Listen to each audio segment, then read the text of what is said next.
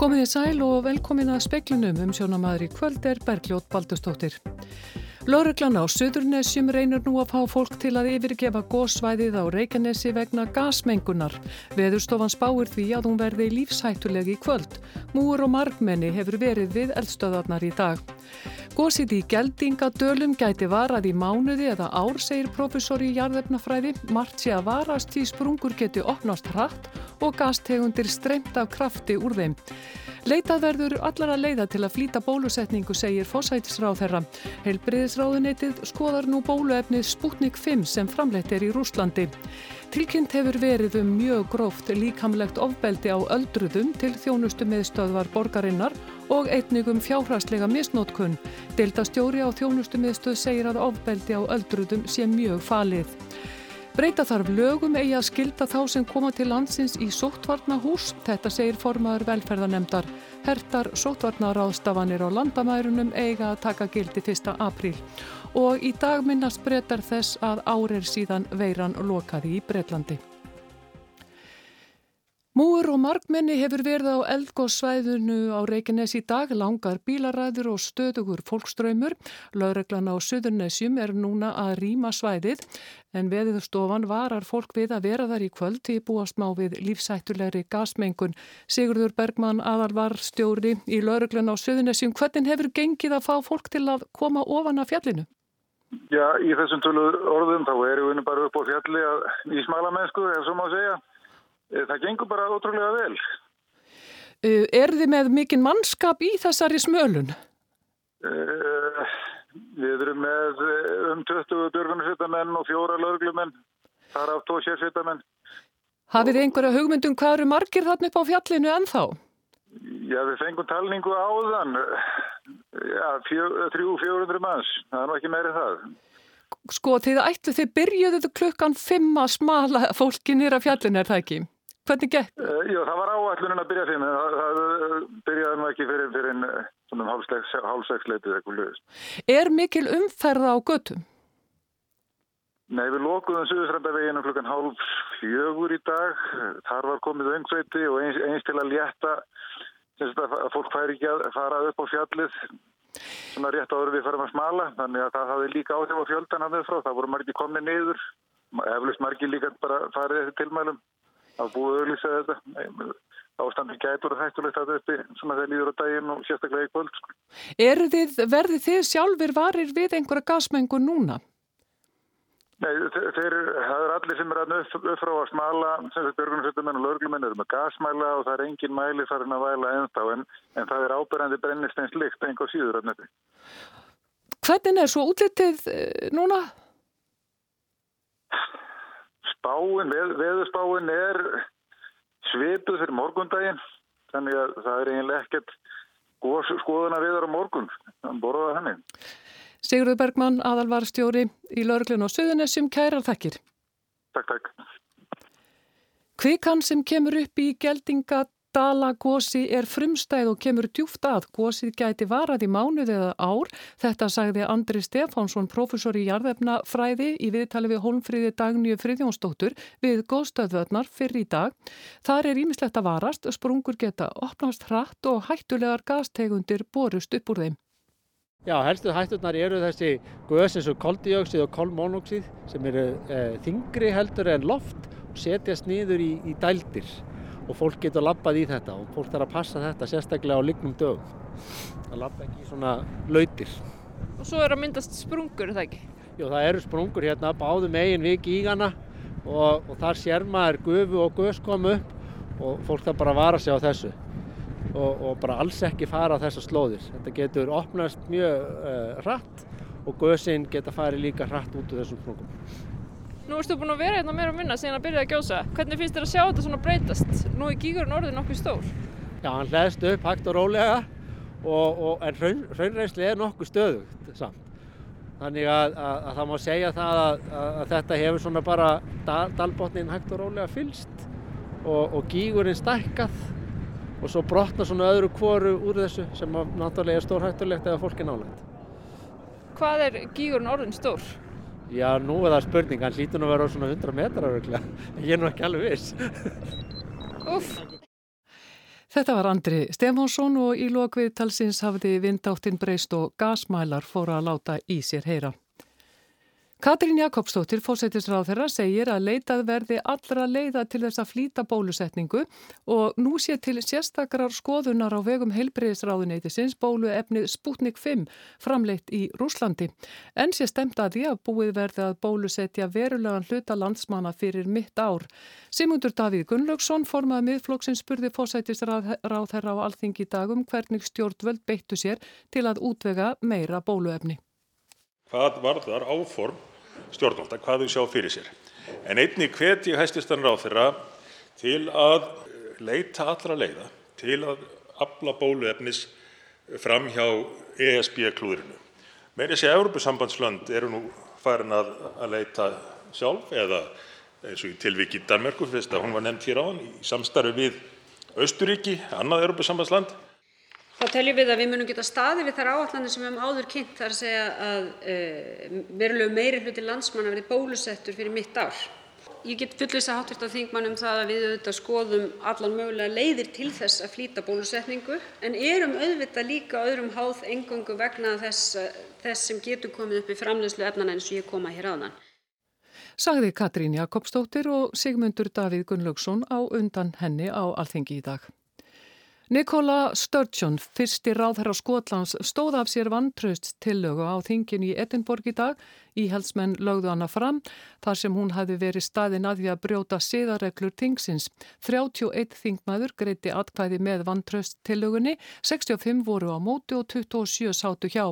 Fyrirfram var vitað að tillagan yrði feld þar sem þingmenn græningja höfðu líst yfir að þeir ætluði ekki að stiðja hana. Formaður velferðarnemdar segir það ekki samræmast sótvarnalögum að skilda alla sem koma hinga til lands í sótvarnahús eins og hertar sótvarnarástafanir á landamærunum hveða áum breyta þurfi lögum til að framfylgja þessum ráðstöfunum. Sóttvarnalæknir hefur lagt til við helbreyðsáþur að þeir sem komi frá löndum sem Sóttvarnastofnun Evrópu skilgreinir sem dökk, rauð eða grá verði skildar til að dvelja í sérstöku húsnaði meðan á sóttkví eða einangrun stendur. Þessi tilhögun á að taka gildi 1. april. Helga Vala Helgadóttir, þingmaður samfylkingarinnar og formar velferðarnemdar alþingis segir að ekki sé heimilt fyrir þessu í Sóttvarnalögum. Ég skil hvað sóttvarnalæknir er að gera með þessu og skil vel áhyggjur hans af stöðunni en það eru auðvitað verða þegar stjórnvöld svo taka undir og ætla að framkvæma það sem ekki hefur stóð í lögum. Þá þurfum við að, að grýpa inn í og þá veita þá stóð í lögum. Breytingar á sóttvarnalögu voru samþýttar í februar og frumvarpum þær var áður til meðferðar í velferðarnemnd alþingis.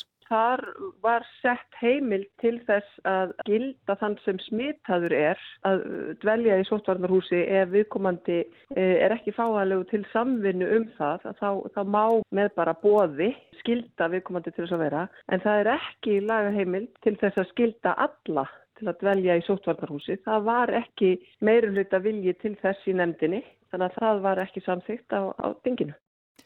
Þetta var Helga Vala Helgadóttir, Anna Lilja Þóristóttir talaði við hana.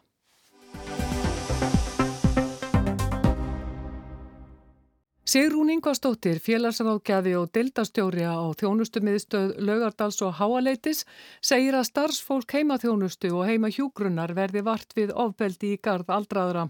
Einnig hafi borist tilkynningar um mjög gróft ofbeldi og grunur um fjárhagslega misnótkun. Hún segir að ofbeldi á öldruðum sé mjög falið og það bendir greiningadelt ríkislauglustjóra líka á í nýleri skýrslu um ofbeldi gegn öldruðum. Þar segir ennfremur að það séð vangreint, mikilvægt sé að vekja þjóðfélagi til vitundar um það og rannsaka það sérstaklega. Það er rannsóknir sem hafi verið gerðar bendi til þess að ofbeldi gagvart öldruðum sé sjaldan tilkynnt og enkenni þess séu oft ekki þekkt. Sigur hún segir að ein af ástæðunum fyrir því að ofbeldi gagvart öldruðum sé dölið sé svo að aldraðir skilgrein ekki ofbeldi á sama hátt og yngra fólk.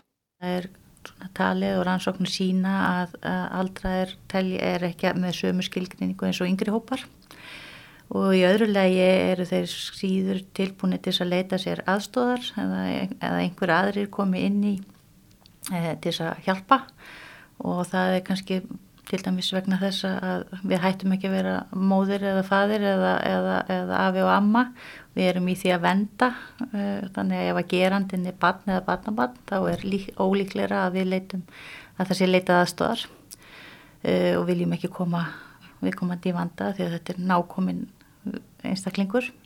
Uh, í öðru lagi og svo í þriðja lagi eru náttúrulega sumir aldrar, veikir aldrar bara kannski ekki stakk búin til þess að geta leita sér aðstöðar Sigrún bendir á að þeir sem eru aldraðir núna hafi ekki alist upp við umræðu um ofbeldi og uppeldis aðferðir hafi breyst mikið. Rasketlingar hafi þótt í lægi sem ekki eru í bóði í dag. Ofbeldi gagvart öldruðum geti verið margskonar, líkamlegt, andlegt, fjárhagslegt, kynferðislegt, vannræksla og svo framvegis. Sigrún gerði á árunum 2006 til 2007 rannsók meðal starfsfólks í heimahjógrun og heimaþjónustu þar sem kom fram að 44% starfsfólks heimahjógrunar og 20% starfsfólks heimaþjónustu höfðu orðið vittni að eða grunaði ofbeldi gegn öldrutum á liðnum 12 mánuðum. Einnig var gerð rannsókn á viðhorfum og högum aldraðra árið 2016 þar sem kom fram að á milli 3 og 4% hafðu verið beitt ofbeldi. Þeir sem tóku þátt í henni voru 67 ára og eldri en það er vitað að með hækkandi aldri þegar fólk verður háðara öðrum aukast líkur á að það sé beitt ofbeldi.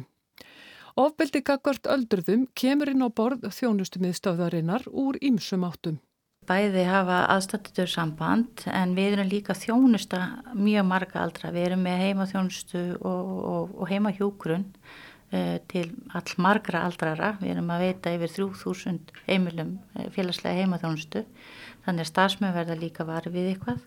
Uh, við erum líka að fá bara fyrirspurnir frá helsugjæslu, frá landsbytalanum og jafnvel frá lauruglu og við erum náttúrulega í samvinni við lauruglu varðandi hérna, sama gegn óbeldi þar sem við förum á heimili með lauruglunni þar sem er heimilisóbeldi ef að þessi er óskað. Hvers konar óbeldi þá er þarna úti? Er, hvað er svona algengast?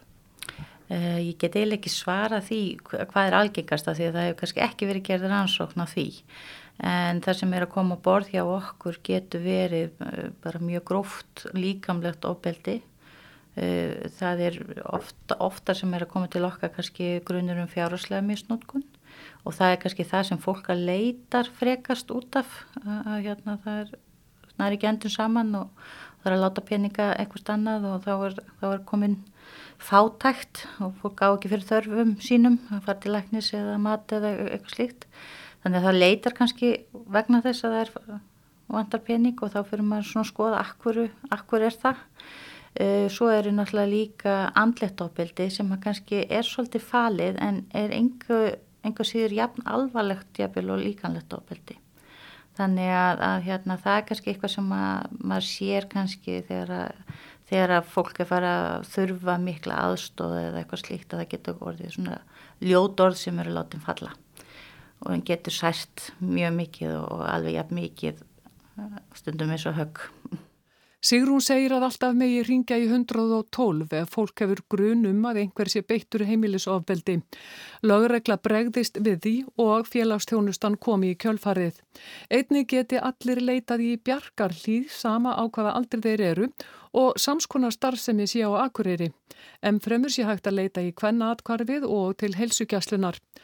Sér hún segir að mjög mikilvægt sé að læknar og hjúkurinn og fólk þekki enkenni ofbeldis og spyrji beint þegar að grunur vaknar um að fólk hafi verið beitt ofbeldi.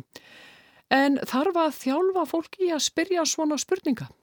Já, það þarf að þjálfa fólk því að það er það að, að, hérna, að spyrja svona spurninga. Hefur þú orðið fyrir ofbeldi og svo færðu eitthvað tilbaka. Eh, þá færðu jáið, þá þarf þú að vita hvað þú ætti að gera með það. Þú þarfst að vita hvert er hægt að leita við, áframhaldi viðtöl. Eh, þú þarfst að vita hvers konar hérna, úræðar hægt að grýpa til. Og það er mjög mikilvægt að líka að vita þegar það er óbeldi gegn öldruðum að gerendunir er ekki alvondir. Þetta er ekki, þetta er ekki versta, eh, þetta er, þetta er náttúrulega slæmhegðun en það er ekki þar með sagt að það sé ekki eitthvað gott við viðkomandi. Og það ef við ætlum að nálgast uh, gerendur uh, í slíkum ofbeldismálum þá er svo mikilvægt að við horfum á það að við séum að hjálpa honum út úr þeim aðstæðum að vera beita ofbeldi. Og hérna ég held að við náum mestum árangri með því. Og, og aldra er kannski líka tilbúinu til þess að leita aðstofar ef, ef það er ekki horta gerandan eh, sem alvondan. Greiningadeild Ríkislauglustjóra setti fram sjö ábendingar í skýrslu sinni um hvernig bæta megi stöðu þessara mála. Þær eru að ebla þurfi vitund innan löggæslunar um ofbeldi gegn öldruðum, móta þurfi stefnu og verklagsreglur, auka þurfi samvinnu löggæslu og félagsþjónustu, sér sníða þurfi viðbröðu lögreglu, vekja þurfi almenning til vitundar um vandamálið, kanna bakgrunn starfsfólks á dvalar og hjúgrunarheimilum og koma á fót atkvarfi fyrir aldraða þólendur ofbeldis. Starfshópur Reykjavíkuborgar um aðgerðir gegn ofbeldi frá 2018 til 2020 skilaði skýrslu í mæ 2019. Sigrún satt í þeim hópi á samt fulltrúum heilsugæslu, lauruglunar, landsambands eldriborgara og fleiri. Þar voru líka settar fram tillögur um hvernig bregðast ætti við þessum vanda en þá kom COVID. Þannig ég held að þetta hafi því miður ekki fengið alveg þann byr undir vangi sem við vonuðumst eftir strax eftir uh, útgáðu skíslunar en það er bara spurningin um að brettu bermar og, og halda áfram með það verkefni. Sagði Sigrún Ingvarstóttir félagsráðgjafi.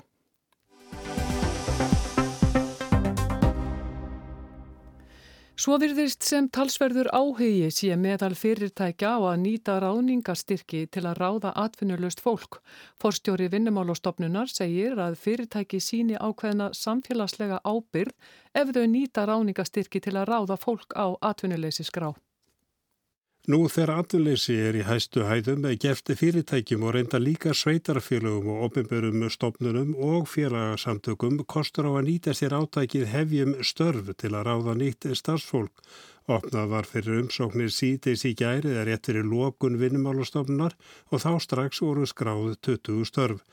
Aðspörðu segir Unnur Sverristóttir fórstjóru vinnumálastofnunar að fyrirtæki séu að kveikja á þessu möguleika. Ég get ekki betur segja en að, að fyrirtæki sé að kveikja þessu möguleika en það eru búið að kynna þetta nokkuð vel.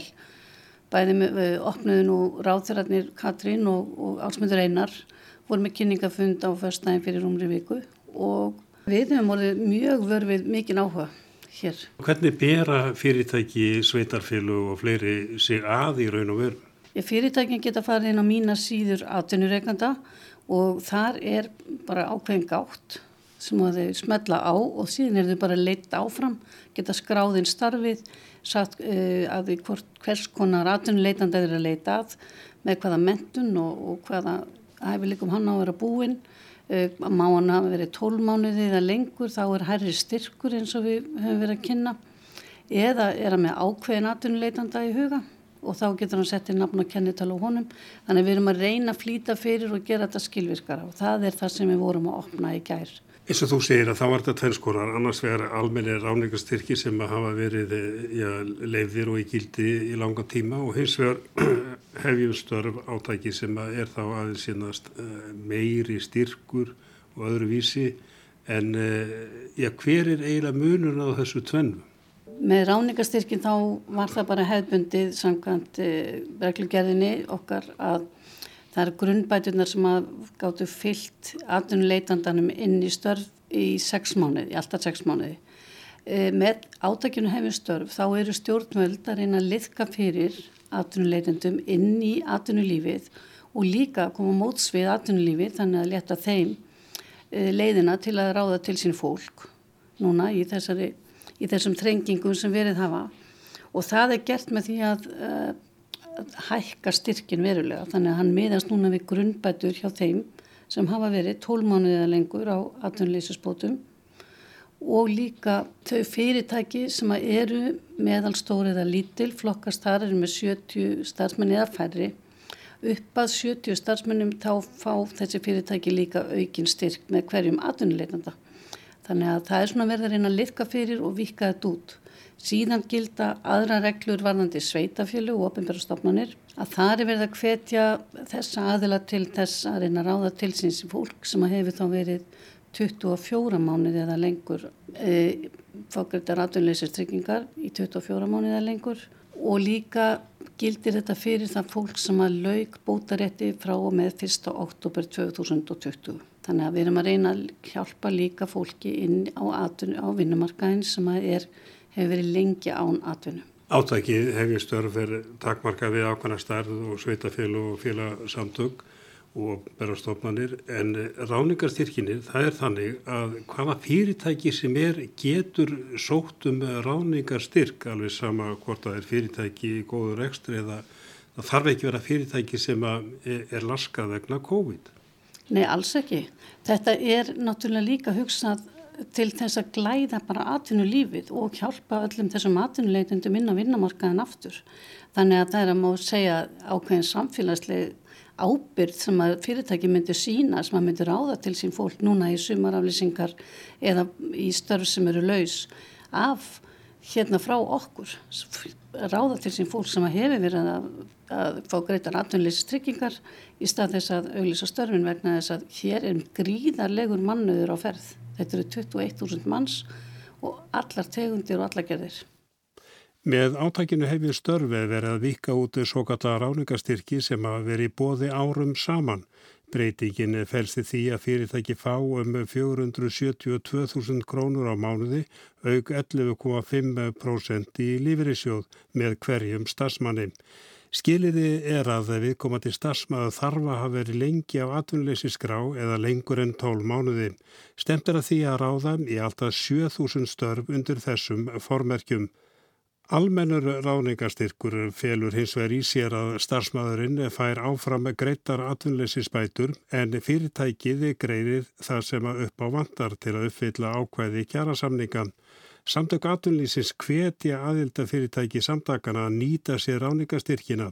Haldur Benjamin Þorbergsson, frangvöndastjóri SA, saði í speiklunum í síðustu vikum að öll fyrirtæki geti sótum ráðningarstyrki ríkistjónin er að hugsa til þess að öll fyrirtæki landsins nýti sér þetta.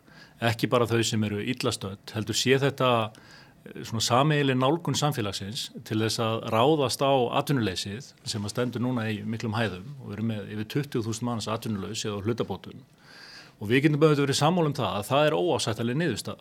Ég líti á þetta útspil ríkistjórnarinnar sem svona stóðsendingu til atvinnulífsins til þess að taka þessu fagnandi og reyna að nýta þetta úrræði til þess að ráða inn fólk af atvinnuleysisgrá og koma því í virkni á nýjanleik.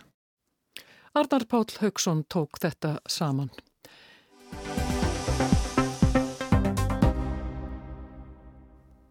Ár er síðan COVID-19 faraldurinn lokaði Breitlandi og horf, og Breitar horfa nú yfir farin veg.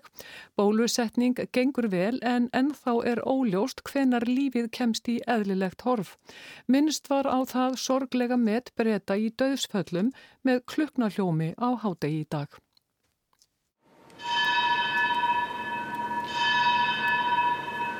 Farsótt í Kína virtist órönveleg ógnun í loki janúar þegar Matt Hancock heilbriðisráð þeirra saði þinginu að brettar væru vel undirbúnir ef svo færi að veiran bærist til Bretlands. Skíðaferðir báru veiruna rattum alla Evrópu í lok februar horfi heimurinn á veirustríð á spítölum Norður Ítalju nánast í beitni útsendingu. Boris Johnson, fórsætsráð þeirra bretta, talt ekki farsóttinu ógna Bretlandi, heldur ekki þó hann hefði hitt veirusjúklinga. I can tell you that I, I, I, I'm shaking hands continuously. I was, at a, I was at a hospital the other night where I think there were, a few, there were actually a few coronavirus uh, patients and I shook hands with everybody, uh, you'll be pleased to know, and, and I continue to shake hands. Á bladamannafundi 3. mars saði fórsætsráðara frá spítalaheimsókn, hitti líka COVID-sjúklinga, helsaði öllu með handabandi og myndi halda því áfram. Skelvingu lostinn landlæknir England stóði hlið Johnsons og myndi fólk á að þú hendur. Um miðjan mars hafði yfirmaður alþjóða helbriðstofnunarnar einföld skilaboð til allra þjóða. We have a simple message for all countries. Test, test, test. Test every suspected case. Skima alla sem gætu verið smitaðir einangra þá smituðu. Skömmu áður hafðu bresk heilbriðis yfirvöld horfið frá skimunum ákvörðun sem hefur aldrei að fullu verið skýrð Í ráðgjafahópi ríkistjórnarinnar heyrðist að best væri að láta veiruna bara rasa út, mynda hjarðónami. Það þótt undanfarna áratugji hafi hjarðónæmi verið náð með bóluefnum, ekki með óheftri útbreðslu smittsjúkdóma. Í mars fóru einstöklönd að grípa til sinna ráða á Íslandi var fyrst gripið til samkomutakmarkana 16. mars. Í Breðlandi var slegið úr og í. Fólki ráðlagt að vera ekki innan um fólk, hljómaðan svo fólk ætti bara að passa sig, engin bönn. Það breyttist mánudagskvöldið 23. mars. From this evening I must give the British people a very simple instruction. You must stay at home. Frá og með þessu kvöldi, tilkynnti fórsætsráð þeirra, voru fyrirmælin einföld að vera heima, vinnað heiman ef hægt væri, engar heimsóknir, skólar lokuðu.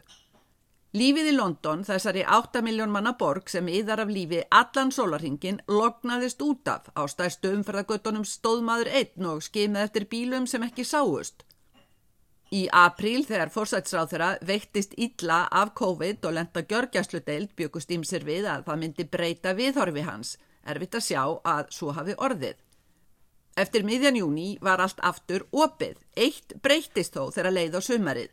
Landslutarnir fjórir, England, Wales, Skotland og Norðrýrland sem njóta töluverðrar sjálfstjórnar fóru að setja eigin veirureglur, reyndar mjög umdelt hvort staðbundar aðgerðir hafi hjálpað. Staðir sem greipu til harðra lokana virtust festast í lokunum, tilfellum fækkaði lít. Gamalkunnugt brest minnstur fór að koma í ljós. Fátækustu bæjarfélögin, tekjulagstu hóparnir, urðu verst úti. Vísindamenn bentu á að í mars hefði træðan til að loka kostað mörg mannslíf, sama í haust. Þegar leið á september fór veiru tilfellum að fjölga skuggalega. Forsætsráður að tók ekki mál að grýpa aftur til lokana í Englandi lang fjölmannasta landslutanum. Það var ekki fyrir í byrjun nóvumber að greipið var til fjögur að vikna lokunar þó með þeim grundvallar mun að skólar voru áfram opnir. Jólin yrðu án efa öðruvís en venjulega, saði forsætsráðura. But it's my sincere hope and belief that by taking tough action now we can allow families across the country to be together. En það var einlag vonans og trú að með því að grípa til harðra ráðstafana nú er það hægt að leifa fólki að eigða jólunum saman. En lokunin kom of seint tilfellum snar fjölgaði. Í stað jólaopnunar eins og fórsætsráður að vonaðist eftir kom ferðabann, öllu lokað líka skólum. Og þannig hefur það einlega verið frá jólum. Skólar opnuð ekki fyrir en 8. mars, Samkvæmt hægfara opnunar áallun verða lokanir fyrir bí seint í júni. Það eina sem hefur tekist vel er bólusetning sem gengur mun betur hér enn í nákvæmlandunum. Brettar eru hins vegar í fymta sæti heimslistans með flest veirudöðsfjöld. Alls tæplega 127.000 manns látist hér úr COVID. Á þessu daburlega ársammali er ringt í margt einnig hæfi og eiginleika fórsætsráðra sem er ekki mikið fyrir að rína í smáatriðin, segir Rory Stewart fyrir um ráþæra í stjórn Johnsons. That's part of the secret of his, his success as a political campaigner is his love of simple optimistic stories. Liður í velgengni fórsætsráðara hefur alltaf verið dálætans á einföldum og bjart sínum sögum, segir Stewart í viðtali við Breska ríkisútarpið. Líklega ekki gagliðast í eiginleikin á verutímum. Sigrún Davíðsdóttir saði frá. Veður horfur vestlæg eða breytilega 3-8 metrar á sekund og dálítil jél en lengst af þurft austan til, hitti viða 0-5 stig en fristir í kvöld. Suðulæg 8-3-10 á morgun en heldur kvassara norðvestanlands úrkomi lítið á Suðausturlandi, annars jél en dregur úr úrkomi síðdegis, hitti í kringum frostmark. Og það var helst í speklunum að lauruglan á Suðunessum reynir nú að fá fólk til að yfirgefa gósvæðið á Reykjanesi vegna gasmengunar. Veðurstofan spáir því verði lífsætulegi í kvöld. Gósið í geldingadölun gæti varað í mánuð eða ár, segir professor í jarðefnafræði. Mart sé að varastíðsprungur geti opnast og gastegundir streymt úr þeim. Og leita verður allar að leiða til að flýta bólusetningu, segir fósætisráð þeirra. Helbriðisráðneiti skoðar nú bóluefnið Sputnik 5 sem framleitt er í Rúslandi. Fleiri er ekki í speklinum í kvöld. Mark Eldred sendi út verðið sæl.